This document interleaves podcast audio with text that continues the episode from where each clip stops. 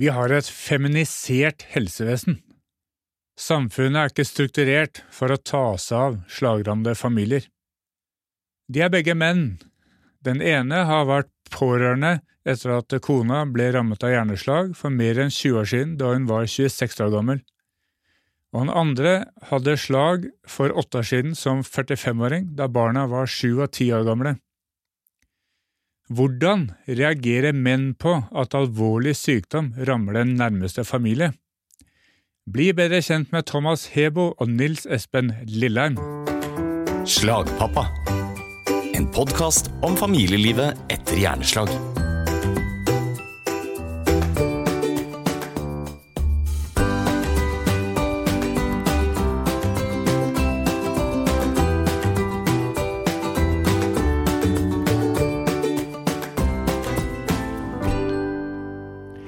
Og velkommen, Thomas og Nils Espen. Hei sann. Hei sann. Nå var det vel på tide at vi var flere slagpappaer i studio. Syns dere ikke? Absolutt. Ja. Dere skal jo få presentere dere nærmere om ikke så lenge, men først så tenkte jeg bare at vi skulle starte med de to sitatene jeg sa i introen, for de to er jo dere som har. Og Thomas, kan begynne med deg, da. Vi har et feminisert helsevesen. Hva er det du legger i det? Nei, det jeg legger i det, det er vel egentlig eh, hvordan menn som pårørende blir ivaretatt. Menn og kvinner har jo ofte litt ulike behov. Er opptatt av eh, følelser på ulike måter. Og det er nå engang sånn at fryktelig mange av de som eh, jobber med kognitive utfordringer og kriser i helsevesenet, er jo kvinner. Og de ser ting ut fra sitt perspektiv, og kanskje ikke ut fra mannens perspektiv. Nå er det så en gang sånn at eh, menn og kvinner har liksom ulik eh, forståelse av når en krise inntreffer, og reagerer litt sånn ulikt emosjonelt. Og eh, mens menn kanskje er mer harde på utsida, så er jo vi også myke på innsida. Mens, mens kvinner er kanskje mer fokus på generelt de myke verdiene i en sånn krise. Eh, for oss menn så blir det ofte litt funksjonalitet. Vi skal håndtere, vi skal fikse, vi skal eh, klare det. Eh, vi skal rett og slett gjøre sånn som Arne Næss sier, vi skal bare stå på. Og det er jo ikke alltid det går bra. Mm. For Vi skal jo komme litt nærmere inn på din erfaring, Thomas. Du har jo mer enn 20 års erfaring som pårørende. Og Nils Espen, du er jo da den andre i studio nå som har hatt slag. Du hadde slag i 2015, og du har jo ved flere anledninger eh, sagt at eh, samfunnet er ikke strukturert for å ta seg av slagrammede familier. Kan du ikke fortelle litt mer om det? Ja, nummer én, det, jo, det var jo først og fremst kona mi, den pårørende, som sa det. Fordi at hun er jo den som måtte ta seg av familien mens jeg eh, var til rehabilitering i to og en halv måned etter hjerneslaget. Mm. Og, eh, men det som vi tenker spesielt på, det er dette her med at uh, man er veldig fokusert på mitt hjerneslag. Og mitt hjerneslag uh, fikk god rehabilitering i to og en halv måned. Men i løpet av den to og en halv måneden så var jo jeg vekke. Jeg lå uh, på sykehuset. Og jentene som da var sju og ti år gamle, spurte jo mora og spurte andre hvor hva er det som skjer med han pappa? Eh, får vi han tilbake? Hvordan han pappa blir når eh, han kommer, eh, kommer, kommer hjem fra, fra, fra, sykehuset? Og Det var det ingen som visste, og det er jo det ingen som vet. Men når vi spurte på sykehuset, så ble det veldig dårlig oppfølging. Når vi kom inn på rehabiliteringsavdelinga, eller oppfølg, dårlig oppfølging for familien eh, Når vi kom inn på rehabiliteringsavdelinga, så var det barnekontakt. og hun, De gjorde en veldig god jobb, og de var bedre enn i denne her akutte eller sånn, disse her, hva skal jeg si, ti dagene etter etter at jeg fikk påvist hjerneslaget. Det var bedre til å ta seg av, eh, ta seg av familien. Men vi fikk aldri noe sånn her eh, kjempeoppfølging, for alt dreide seg om mitt hjerneslag, naturlig nok. Og på skolen så fikk jentene veldig god oppfølging av helsesykepleier. Eh, men seinere, når vi også får disse her konsekvensene disse, si, Når vi begynner å se konsekvensene av hjerneslaget, og da, da, da, snakker vi om år. Og jeg har blitt en sånn halvveis tullpeis hjemme. Eh, altså det med alle disse her kognitive utfordringene som, som, jeg har lært meg at er en konsekvens av hjerneslaget, så er jo det klart at det blir konflikter også med to døtre som går inn i puberteten. Mm. Og når alt som kunne tas med helsesykepleierne på skolen, det er topp. Men med en gang jentene hadde behov for å Eh, få hjelp utover det, eh, så var det fastlegen så var det inn og bli behandla som, eh, som, et Som en egen sak, eget tilfelle. Ting ble ikke satt i sammenheng med, med, med mitt hjerneslag. og Sånn at vi ikke kunne bli behandla som en familie. Det var det som var viktig, og det er vel det som, som, som ligger i dette her også. Da. En annen ting som Birgit, kona mi, eh, sa da i et foredrag, det er at eh, når av, eller når jeg kom ut av sykehuset, så var det som å komme hjem med en nyfødt baby. Sånn at vi visste ikke eh, og, og, Altså førstegangsfødende med nyfødt baby. fordi at vi, eh, vi visste ikke noe om hvordan dette her skulle, dette her skulle bli. Og da er det ansvaret for dette her med, med, med uh, å holde familien, holde familien samla. Uh, en annen ting, Og så sier hun videre da, at for å vise litt hvor mye bølger det kan være i familien, da, så, det, så sa hun ved et tilfelle at av og til så følte hun seg som ei alenemor med tre barn. Mm. Og gutten var den verste. Og så ser vi det at de tilhørerne i foredraget sitter og teller på fingrene. Ja, men hadde ikke jeg sagt det at de, en, at de hadde to jenter? Hvem var gutten? Og så plutselig går de opp for å ja, det er han det er snakk om. Da var det meg. Mm. Eh, så det var jeg som var den verste, verste i familien. Og, mm. og, og, det er klart at når det er sånn, så, så, så, så vil, det, eh, vil, det, være hjelp. Ikke bare i skoletida. Mm. Mm. Eh, hvordan er det du gjenkjenner dette, Thomas? Ja, jeg ser jo fra et litt annet perspektiv, da. Og ja. um, som pårørende. Det er klart at uh, vi hadde nok uh, Jeg hadde, eller har en kone som ble syk i mye yngre alder enn uh, Nils Espen. Uh, Nils mm. Espen er ikke så gammel, det er ikke det. Den kona ble syk når hun var 26. Mm. nå hadde vi jo ikke barn ennå. Um, det ga kanskje litt andre utfordringer, fordi at Hjerneslag det, det, gjør jo noe med hele personen. Du det gjør noe med deg kognitivt, men det gjør søren meg mye fysisk med deg òg. Mm. Du har liksom en, en ganske sprek eh, kone som liksom eh, er ganske tøff. Du tåler ganske mye. Som blir rett og slett sånn som Espen sier, er sånn unge du får med deg hjem fra sykehuset. Det er en ganske sånn skremmende opplevelse. Mm. Og det er egentlig ingen da, som gjør deg eh, forberedt på dette. Der svikter helsevesenet fullstendig. De, de, de, fikser ikke. De klarer ikke å forberede deg rett og slett eh, på de kognitive utfordringene som kommer. De klarer heller ikke å forberede deg på de fysiske utfordringene som kommer. De er rett og slett ikke påskrudd. Eh, det mangler en sånn helhetlig tilnærming til hvordan disse pasientene skal returneres hjem. Og det er klart, Når du er 26, så er du jo full av trykk. Eh, du mm. tåler ganske mye. Jeg var ung politimann den gang og var vel i mitt livs beste form. Men du er jo, som pårørende så blir du jo helt utmatta. Du blir jo skikkelig nedkjørt. Eh, du blir sliten. Og det er egentlig ikke så mange rundt deg som skjønner hvorfor. Eh, fordi at eh, du er på en måte Du skal stå på. Du skal kjøre på, og du, det skal du fikse. Mm. Men det er jo ikke noen veldig sånne tydelige oppskrifter på dette her. Og da er det veiledning som trengs, og da er det hjelp som trengs, og da er det råd.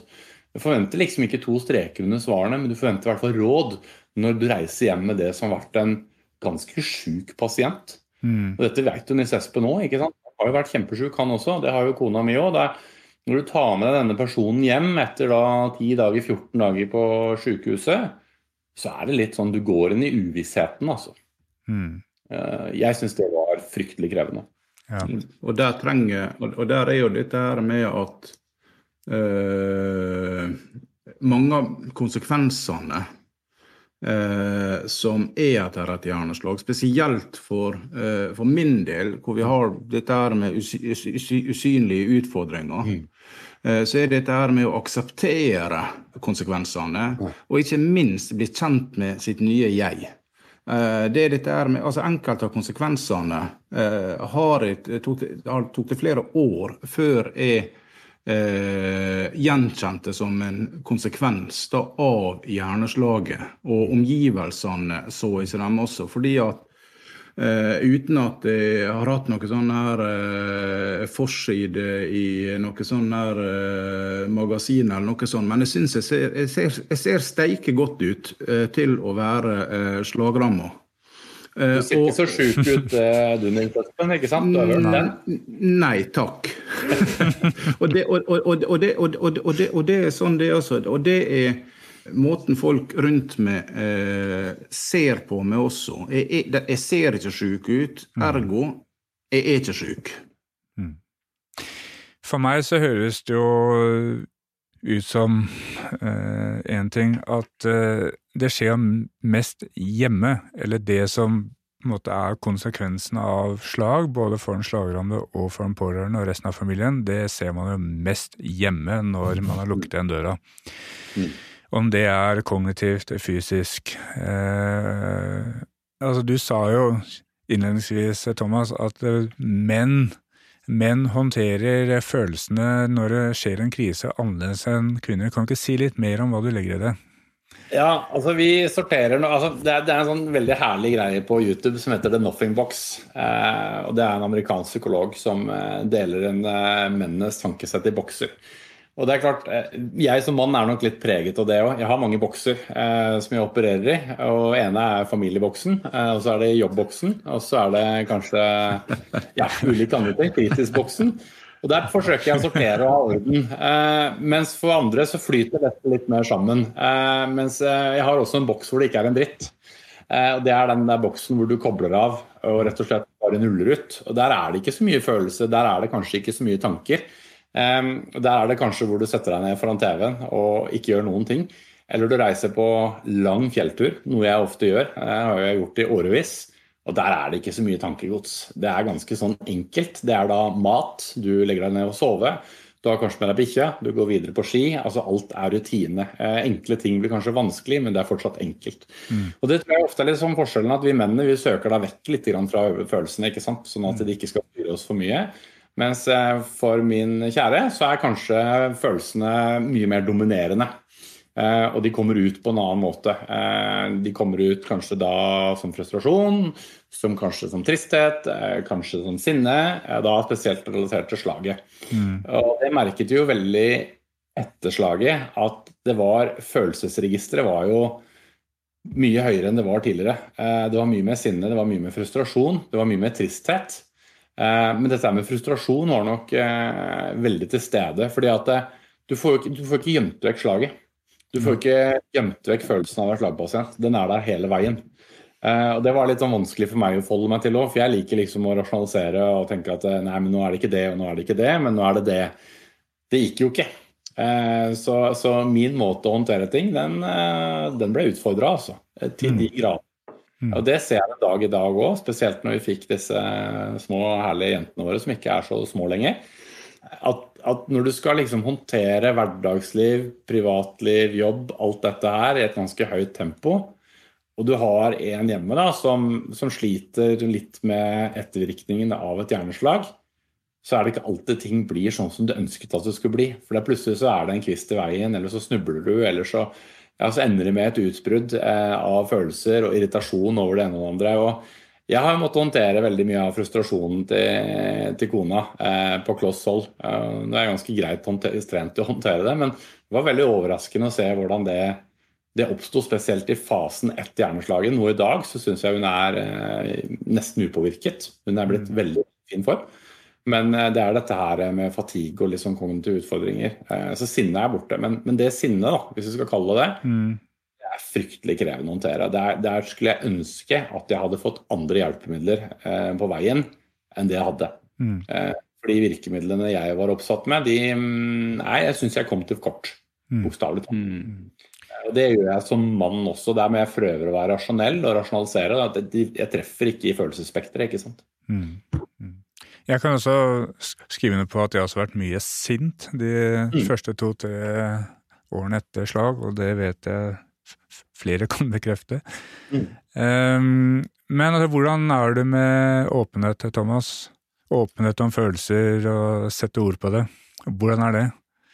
Ja, altså De første årene så tror jeg ikke det var så mye plass til det. Um, fordi at da hadde vi først ei lita jente som kom. Kom ganske kort tid etter at uh, Tone Len uh, fikk hjerneslag. Mm. Bare sju måneder etterpå. Og så gikk det noen år der hvor det var liksom Det var å, å, å, stå i det og liksom håndtere hverdagen. Og det er ikke så mye rom for jeg ikke sant? Det er, liksom små, det er småbarnsperioden av livet toppa med en som har hjerneslag. Mm. Småbarnsperioden i seg sjøl er tøff nok, men når kona di har hjerneslag, så er det jo enda tøffere. Og Så gikk det jo noen år, eh, og så bestemte vi oss for å få en til. For vi håndterte dette, mener vi sjøl, veldig bra. Jeg er litt usikker.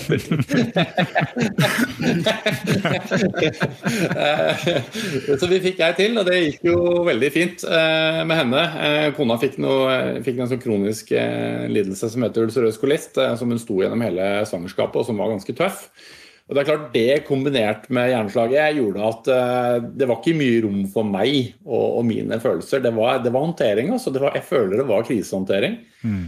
Jeg sa det vel um, Jeg tror jeg sa det til Aftenbladet for mange år siden uh, under et intervju at uh, det var krise. Mm. Du håndterte kriser på strak arm. Det er jobben min i dag òg, det er det jeg har jobba med store deler av livet mitt. men jeg er ikke så sikker på at kriser i familien bør håndteres på samme måte som du gjør i, i større omfang.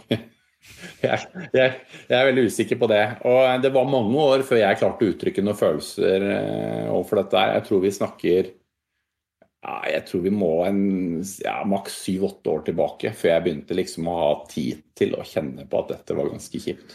Og da har du gått lenge. Da har du gått over 12-13 år eh, på høygir.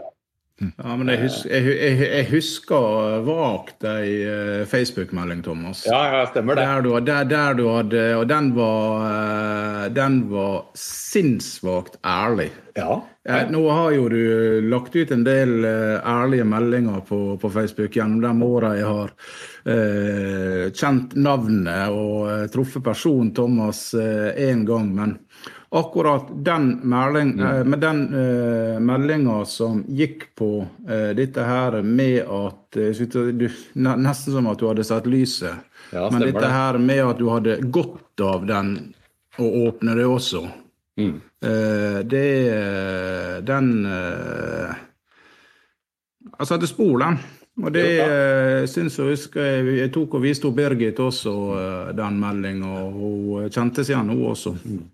Ja, Det var vel etter en samling med LHL hvor vi faktisk eh, Ja, Tone Lene var der. Du var vel der, var du ikke det? Jo, jeg tror det. Nei, jo på, Nei. Eh, på, eh, i Oslo Ja, i Oslo. Nei. Nei, ja, det var, nei, du kan være kanskje ikke med, men du, i hvert fall, vi hadde en samling med LHL oppe på Kjensvoll. Tone Lene, kona mi, var Nei, Den var jeg ikke med på. Ja, Nei, du var ikke med, men hun var engasjert der. Um, og Der var det en, en islandsk psykolog som jobbet ved SUS så satte egentlig ganske godt ord på hva dette dreier seg om. Det det var sånn Oi, ja, men det er dette der. Du er faktisk pårørende. Du er ikke den som bare skal håndtere krisa. Du skal faktisk ta deg tid til å kjenne på at denne krisen også treffer deg og familien. Så det er jo ikke sånn at du bare skal stå og håndtere det og stå i det, men du skal faktisk kjenne på at det er krevende også. Og det hadde ikke jeg hatt tid til. Det var rett og slett ikke plass. Du skal serve jobb, og du skal serve unger, og du skal også sørge for at eh, kona di, som er eh, ikke helt frisk, har det greit. Uh, og da, da, blir det mye. Og da er det jeget, det forsvinner jo. Og det var kanskje det jeg eh, fikk tid til å sette på plass igjen. Gire ned tror jeg kan være lurt. og Det er jo kanskje råd til alle pårørende. Det er å gire ned. Det er kanskje noe av det lureste man kan gjøre. Det gjelder for slagramma også, det. Mm. Å gire ja. ned. Det gjør det jo. Nei, for Thomas, eh, for noen år siden så ble du utbrent. Ja, stemmer det. Ja. Så da var det Men altså var det i samme periode hvor du begynte å åpne opp, da? Ja, det var nok det. Jeg, mm. Da hadde jeg eh, jobb i næringslivet. Mye ansvar. Eh, ansvar for mye folk. Eh, tunge oppgaver. Hadde um, gått ut av politiet. Det gikk vel eh, fem-seks år i denne nedbemanning i virksomheten og sånn. Og da kjente jeg at eh, nei, vet du hva, dette her, det gidder jeg ikke mer. Nei. Nå gidder jeg ikke å stå i det. Nå gir jeg rett og slett eh, Jeg kan godt og godt si det, jeg litt faen. og lot det, bare, lot det bare få plass. Eh, og bestemte meg for å gire ned ganske radikalt eh, der og da. Og gikk eh, ganske mange uker. Jeg tror nesten ti uker som sykemeldt. Mm. Og gikk en tur i fjellet med bikkja. Fordi at nå var, det, nå var, det, nok. Og det er nok For mange så tror jeg den pårørende så tror jeg den før eller seinere kommer. Det er ikke det at de blir utbrent, men at de må faktisk gire ned. Det er ikke plass til det høye tempoet. Det gjelder selvfølgelig for slagpasientene også. Mm. Men, men, vi pårørende har kanskje en sånn tendens til å tenke at dette skal vi stå i. Mm. Og da brenner vi rett og slett eh, lys i begge ender. Ja. Eh, og når du har gjort det, så har du ikke lyst til å gjøre det igjen. For det er, eh, det er en heftig opplevelse. Det å kollidere med en betongvegg i 150 km i timen, det, det, er ganske hardt. Mm, mm. Da, fordi, da, ja. Ja, fordi dere har jo, i likhet med Nils Espen og Birgit, dere har jo to døtre Stemmer det. Ja. Eh, som også er i tenårene? Mm. Eller, ja. Ja, nå, nå er det med hun ene er jo godt voksen, hun blir jo 22. Eh, hun yngste blir 18. Så de er, eh, de er store, men mm. mm. de er fortsatt opptatt av hva som har skjedd, og de reflekterer over det. Eh, Eldstemann har kanskje tatt det inn over seg i større grad enn yngste. For, for yngste så er det mer sånn normalsituasjon, eh, tror jeg. Det er jo, vi mennesker og individer er veldig ulike. Eh, men det har nok vært eh, lettere å håndtere for yngste enn for eldste. Mm. Eh, den eldste opplevde jo også at uh, mor ble syk igjen. Hun har jo aldri opplevd at hun fikk hjerneslag, men opplevde at uh, moren ble syk under graviditet andre gangen. Mm. Og Det er nok krevende å stå i for barn. Så jeg tror liksom det å gi barna støtte og, og, forståelse fra helsevesenets side, det tror jeg kanskje er noe av det viktigste. Det er greit med oss voksne også. Vi blir både utbrente og slitne og alt mulig, men, men, men barna er nok veldig viktig å fokusere på. Spesielt for de som har barn i litt større alder da, som nærmer seg tenåra, eller er i tenåra når far eller mor blir alvorlig syk. Mm. Eh, der er det nok viktig å være til stede. Hvorvidt vi lyktes i det, det er ikke opp til meg å avgjøre. Men eh, de har jo fungert veldig godt på både skole og idrett og, hjemme. Men det er klart noen utfordringer har det jo vært på vei. Eh, noe annet vil jo være ren breath. Men det er jo ikke da helsevesenets skyld at det har gått bra. Det er nok, det er nok egen, egen innsats. Altså, det er jo egentlig et spørsmål til dere begge, men hva slags hjelp er det slagrammede familier trenger, hvis vi begynner med de pårørende og begynner med barna, da. Hva er det barna som pårørende trenger av hjelp fra helsevesenet etter deres erfaring?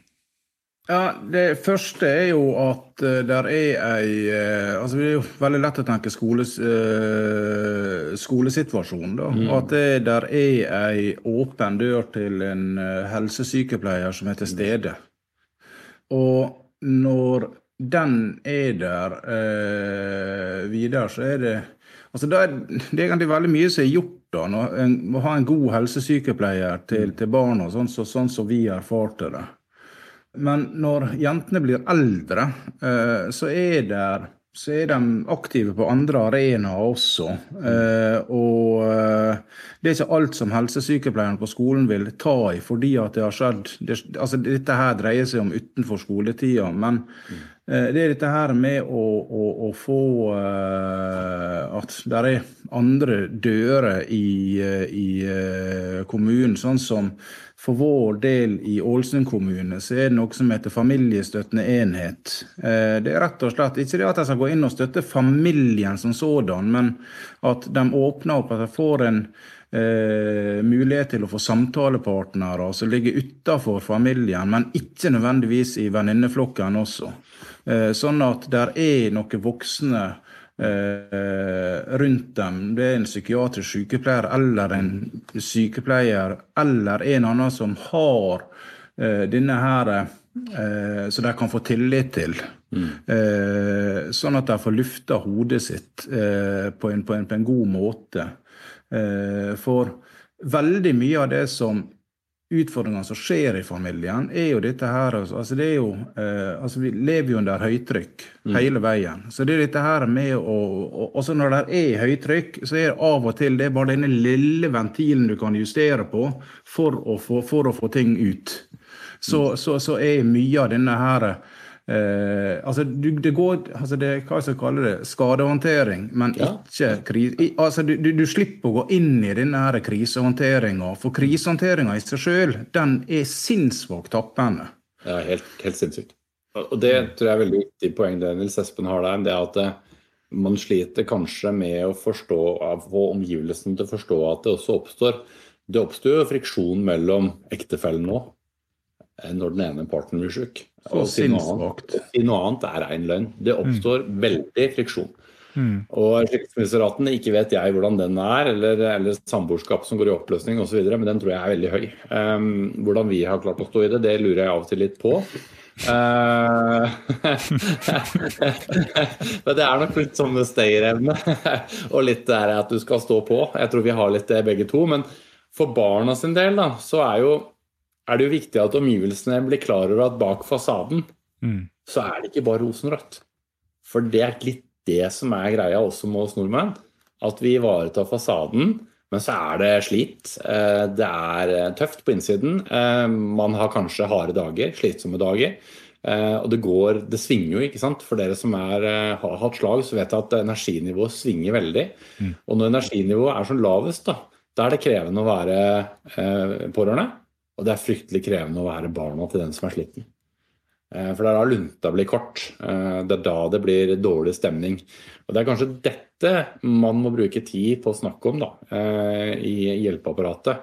Og kanskje det man også bør snakke med tenåringsbarn om når mor og far eller har, har vært alvorlig syke. Det Mm. gjelder mange andre ting òg, men å gå inn der før de bikker det inn i tenåringsstadiet, hvor de er vanskelig å få kontakt med, Mm. der kunne det gjort, vært gjort mye arbeid. For da er de faktisk mentalt forberedt på hva som kommer til å skje. For det blir friksjon mellom oss og barna også, når, når de vokser opp, uansett hvor snille og greie de er. Mm. Og når du da har et slag i tillegg, så blir den friksjonen større. Eh, for det er ikke alltid man klarer å svare rasjonelt. Det er ikke alltid man klarer å, å svare fornuftig. Eh, man kan bli følelsesstyrt, man kan bli sur, man kan bli irritert og man kan bli sint. Eh, det gjelder jo selvfølgelig meg også. Ja. Mm. Men hvordan, hvordan skal man snakke med barna da? Hvordan møter man dem uten at det eksploderer? Jeg. Ja, det er, jo, det er jo et godt spørsmål. Jeg har snakka veldig mye med mine barn. Eh, Noen ganger har vi eksplodert alle sammen. Eh, Noen ganger har det gått veldig, veldig fint. Og jevnt over så har vi nok brukt andre arenaer da, for, å, for å finne sammen. Um, Komme oss litt ut av huset og, og gjøre andre ting. Vi er en familie som har vært veldig mye på tur og vært veldig mye på fjellet og hytte og ferier og sånne ting. og det har nok vært bra, eh, men så er det liksom det som kommer ned i selve kan vi si, kjernen av problemene. Og Der føler jeg vi har ikke alltid lyktes, eh, men vi har i hvert fall snakket om det. Og jeg syns min kone er veldig ærlig på når hun er sliten og når hun ikke orker. Og det, har, det tar vi veldig hensyn til. Og når hun sier at eh, 'jeg må ingenting', nei, hun må ingenting. Eh, Og det er kanskje det lureste hun kan si, istedenfor å stå i det og si at 'dette fikser jeg', og heller si at det, 'nei, det, det går ikke, jeg kan ikke være med på det'. Det er fint. Da har vi fått en avklaring. Og da blir det også mye mindre friksjon. Så ærlighet tror jeg er veldig viktig, og at eh, kanskje hjelpeapparatet forbereder barna på at eh, når de blir større, på at eh, mor og far faktisk har litt utfordringer, og de gjør seg gjeldende over tid. Mm. Eh, ikke bare der og da. Det er ikke gitt at eh, man blir helt frisk, for det blir man jo ikke. Det vil alltid være kognitive utfordringer knytta til hjerneslag. Og for dere voksne pårørende, eh, og det tenker jeg også vil smitte over på hvordan de slagrammede har det, da. Men hvordan tenker dere at de voksne pårørende kan få hjelp av helsevesenet? Hva er det helsevesenet bør bidra med?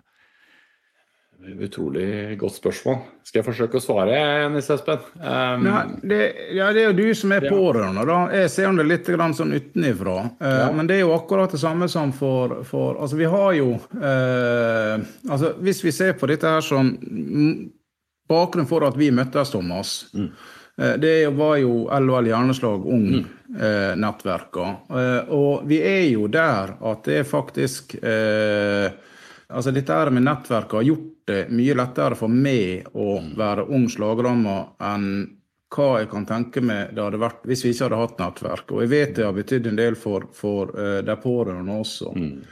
Veldig mye uh, for uh, pårørende også. Og det er Sånn for min del så er det først og fremst den her likepersonfunksjonen da, som har, som har vært, vært, eh, vært viktig. Og der er jo det like mye eh, Eller faktisk flere eh, pårørende som har kontakta meg.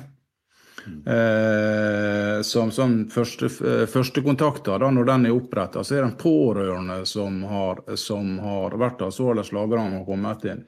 Det, men det som det viser seg, det er at denne her kontakten med andre pårørende, denne erfaringsdelinga som, som man, man, man, man, opplever, det er den er viktig. Vi kan nesten snakke om en sånn normalisering ja, yes. av, av, uh, av uh, reaksjoner, handlingsmønster, mm. og, og, det som er både som pårørende og som, og som slagrammer. Mm. Thomas uh, snakka i sted om dette her med, med, med, med fasadene som man, man, man, man, setter opp. Jeg vil si det at Eh, det dreier seg Jeg husker, ikke hvem det var i, i uh, psykologien som snakka om det, men dette her med uh, Man ser ikke mer enn det som er bak det vinduet som du åpner. Mm. Og da er det kanskje dette her med å få folk til å åpne litt større vindu. kanskje litt flere vindu også. vi har vært kanskje litt vel åpen. Mm. I, sånn som jeg og Birgit har, har, har vært med at vi har Eh, stilt opp eh, på det ene og det tredje. Men det er jo eh, flere grunner til det. Nummer én, det bidrar til å hjelpe andre. Den erfaringsdelinga. Nummer to det er at vi får letta på trykket, sånn som jeg, sånn som jeg sa. Sånn vi får ut denne stimen. Det, det, er utrolig hva som kan bli sagt til din ektefelle i et foredrag der det sitter 150 stykker foran det som du ikke får sagt på tomannshånd. For, og det, det, er sånn, Både jeg og Birgit har jo hatt dette her med at vi har sagt ting til hverandre eh, på foredrag som vi ikke har sagt kunne ha turt å si hjemme. Fordi at vi vet at den andre tør ikke reagere med 150 stykker nede i salen. men det, du stiller ikke opp på gatehjørnet og skriker ut. Det, det, det, er ikke det som jeg sier, men det er dette her med å få, å få, få en sånn mer åpenhet. og så ufarliggjøring også på, på, en del ting. Altså Det er både dette her med at uh, uh, Nå skal jeg bare snakke for meg sjøl, Thomas, men dette her med å si at uh, et eller annet fører til altså, Sånn som Jeg har halv etter hjerneslaget, så skal, hadde jeg blitt dratt med av en fysioterapeut eh, på sykehuset på rehabiliteringsavdelinga for trappene i, eh, i, eh, opp til fjellstua i Ålesund. 418 trappetrinn. Og jeg hadde få uker tidligere hadde sittet i rullestol. Mm. Og jeg altså, hadde aldri vært eh, altså Jeg vokste opp rett under fjellstua, så jeg har vært der flere hundre ganger. Mm. Og aldri Bortsett fra den ene gangen har jeg stått der oppe og sippa. Ja. Men for åtte år siden så ville jeg ikke sagt det at jeg hadde stått der og sippa. At det var litt sånn der i øyekroken. At det var noe som rysk. Det, det vil jeg ikke. Nå er ikke det pro Nei, problem i det hele tatt. Og jeg vet det at det er andre som OK, faktisk det at han, han eller hun sipper mer, mm. det, har, det, er en konsekvens av hjerneslaget. Mm. Kanskje det ikke er så farlig allikevel. Mm. Det å gå rundt med en eh, sånn liten serviett uh, er kanskje litt, litt, litt, litt lurt å, å, å, gjøre også. Så og Svarten, vi skal leve med dette her i årevis. Mm. Uh, det, er det, det, er jo det, som er for unge slagrammer. Mm. At det er så utrolig lang tid. Den gjennomsnittlige slagramma er 74-75 år. Mm. Uh, og kan si at det passer ikke med barnebarna, men vi må lære å leve med dette. fordi at vi må nødt til å ha barna våre her hele tida. Ja. Og da må vi også lære oss å leve med konsekvensene av det. Mm. Mm. For greia er jo, Nils Espen, at du, du, må, du, må, uansett så må du stå i det. Du ja, ja, kan på en måte ikke legge det vekk, fordi at du er ikke 75. Og det er nok litt utfordring med helsevesenet sånn som det er rigga òg. At det er veldig fokus på, på, det, på det eldre eh, sett opp mot dette med hjerneslag. Man klarer liksom ikke å se konsekvensene for de unge. da. Eh, hva det medfører å få hjerneslag i veldig tidlig alder. Hva gjør det med relasjonen mellom et samboerpar, kjæreste, ektefeller i en sånn tidlig fase av livet?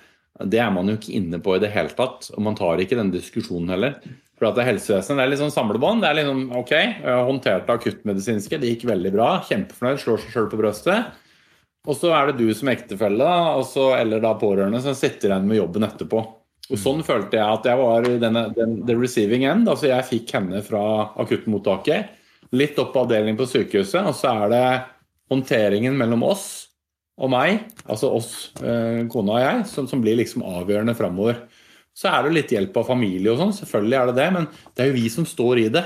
Og vi kan jo ikke legge det vekk. Så lenge vi velger å være gift og ha barn sammen og sånne ting, så, så vil det alltid være der. Og, og det er jo det som kanskje er den store bøygen for mange.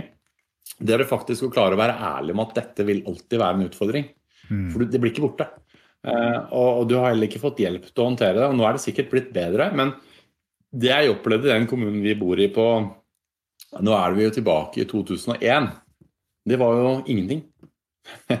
Det var ingenting. Jeg kom hjem med henne etter å ha vært på sykehuset. Jeg har jo holdt på å stryke meg, og så var det ingenting. That's it. Det er ganske fascinerende, altså. Mm. At du da står helt på bar bakke, og da som 26-åring hvor, hvor mye vet du når du er 26? Ja, hvor mye er det de vet i, i, i kommunen? For hvis du er i vi tar si, uh, altså sånn som uh, når du bor litt utenfor storbyene, Yes. så opplever du, eller så opplever kommunene eh, at det er veldig få eh, slagtilfeller blant unge. Ja. Eh, og da er, altså Hvis du ikke klarer å lese det i statistikken, så er ikke det et problem. Men det er jo et sinnssvakt stort problem for den familien som, som, som, eh, som, som er der også. Og du, du sa dette med hvor mange, mange som samlivsbrudd eh, der er i, eh, med konsekvenser av hjerneslag. Mange av det blir ikke sett på som konsekvens etter, etter, etter, etter, etter et hjerneslag også, fordi at de har stått i utfordringene så lenge. Det har, det har blitt så utslitt etter disse konsekvensene at bruddet skjer uten at man egentlig ser på den bakenforliggende årsaken. Jeg er helt enig. Tror jeg. Jeg, er helt, jeg, jeg, jeg tror også det, Nils Espen. Og jeg tror det sånn som jeg tenkte når jeg fikk den smellen sjøl òg, at det, det var så sliten av å håndtere konsekvensene av sykdomsforløpet til kona kombinert med mye jobb og alt mulig, at til slutt så bare det bare nuller ut. Du orker ikke mer. Eh, og så må du jo ta en timeout, og så må du da kanskje lade batteriene på nytt og, og starte med frisk pust. Og lære da å regulere deg sjøl, for det er jo litt sånn selvregulering oppi dette også. Men det er jo også noe som må læres, ikke sant. Både av de pårørende og ikke minst av den som har hatt slag. Og jeg husker jo Kona mi sa det veldig treffende når hadde, vi hadde fått eh, Sunne, og Sunne skulle i barnehage. Og vi hadde én bil. eh, Den brukte jeg til jobb inn på, til politihuset i Stavanger. Og da skulle hun i barnehagen, så gikk hun med barnevogn. Og når hun kom opp i barnehagen da, så måtte hun ha pause før hun kunne gå hjem igjen. Sant? Hun var så sliten av å gå opp med henne i barnehagen at hun måtte ha pause. Og Da stiller jeg meg spørsmålet Vi har hjemmesykepleier, vi har hjemmehjelper og alt mulig. Strengt talt så skulle vi hatt hjelp der og da, men det var ingenting. Det var da svigermor som håndterte dette på strak arm. Kjempeflink. Men, men, men kommunene er ikke til stede for de unge. Overhodet ikke. Og det, det er min kritiske brodd i dette, at jeg syns de leverer på et veldig lavt nivå. Eh, helsetjenester overfor unge mennesker. Det syns jeg er trist. Jeg tenker det kan være en eh, avrunding, eh, Thomas. At Ja. en oppfordring til helsevesenet, særlig ute i kommunene, om å prioritere unge slagrammede familier i langt større grad enn hva det har vært, og hva det i stor grad fortsatt er. Nå er det jo kommet fram at det for eksempel er jo store geografiske forskjeller i rehabiliteringstilbudet, eh, selv i dag, selv om det har vært en utvikling siden 2001. Og et annet punkt vi kan oppsummere, oppsummere med, er jo eh, åpenhet, ærlighet eh, og eh, det å engasjere seg frivillig, Nils Espen, som eh, du sa veldig fint. Altså det kan også være en kanal for å hjelpe en selv, samtidig som man kan hjelpe andre med sin egen erfaring. Og jeg tenker også at det, det dere har bidratt med i denne episoden, og som vi har snakket om, også kan være til hjelp for andre, får vi håpe, som er unge og uh, står midt i det. Mm. Så da er det bare å si eh, takk for at dere deltok i eh, podkasten. Nils Espen Lilleheim og Thomas Hebo. Ja, vær så god. Vær så god. Bare hyggelig. Hyggelig, det. Er det noe du lurer på eller ønsker at vi skal ta opp i denne podkasten, send meg gjerne en e-post eller melding på Facebook eller Instagram. Du finner Slagpappa på Facebook og Instagram og på slagpappa.com.